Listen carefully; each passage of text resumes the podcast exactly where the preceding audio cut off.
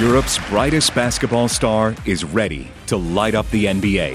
Luka, Luka, Luka Doncic, how many times has he done it? Take a peek at how Luka Doncic became Wonder Boy. You can tell that when he's on the basketball court, he's happy. I think that's most important.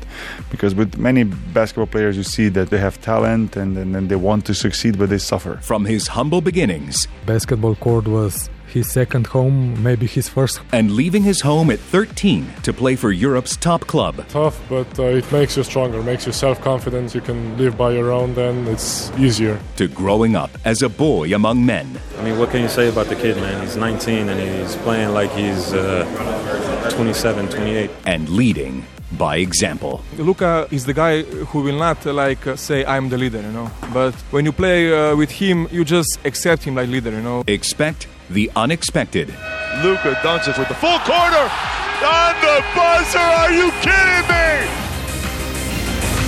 me? Luka Doncic becoming Wonder Boy. Available at your favorite podcast provider.